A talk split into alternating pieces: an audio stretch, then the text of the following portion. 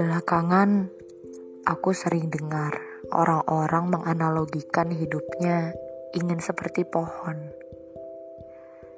yang teguh percaya pada akarnya sendiri, yang mampu beradaptasi pada tanah di dataran mana pun ia berdiri,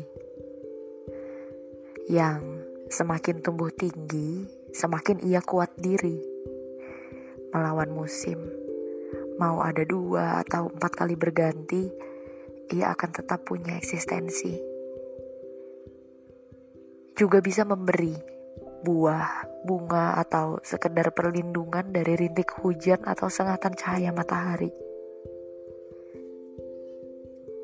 Sekilas, aku setuju sekali betapa sebuah pohon tegar dan sejatinya ia tumbuh bukan untuk dirinya sendiri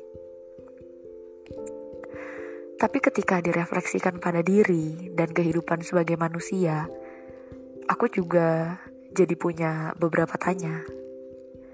Orang-orang yang menganalogikan itu ingin dirinya seperti pohon apa dan tumbuh di mana lebih tepatnya.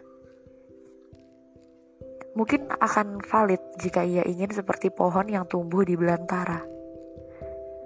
Perihal ia adalah jenis dan punya manfaat apa, pasti keberadaannya diapresiasi dan disyukuri.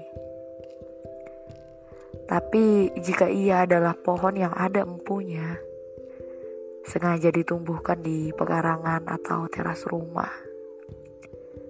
Kalau ia berbuah tapi tak matang, bagaimana hal itu agaknya mengecewakan.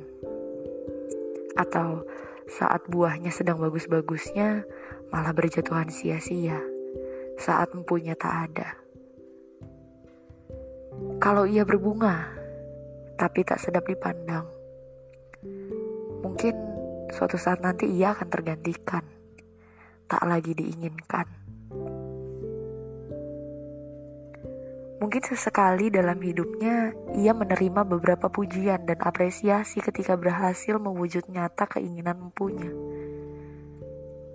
Keadaan-keadaan seperti itu menjadi sebuah siklus yang terjadi lagi dan lagi.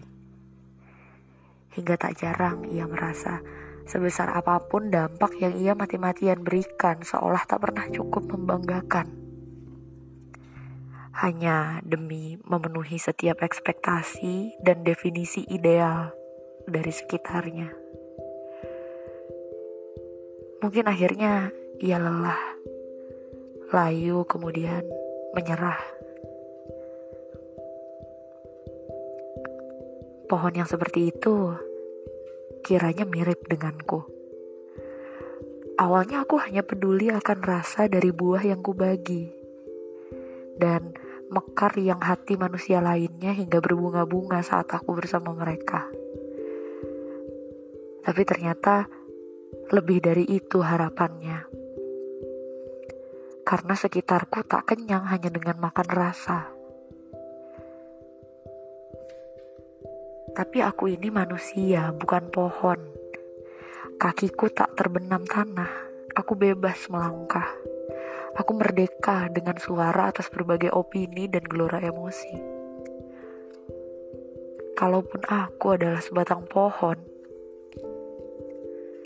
jika memang harus merontok daun-daunku agar nanti tumbuh lebih percaya diri, biar saja. Kalau butuh hujan yang lebat agar muncul cabang-cabangku yang tumbuh merambat, biar saja. Kalau aku tumbuh tapi tak kuat, sehingga butuh seorang tukang kebun yang merawat, biar saja.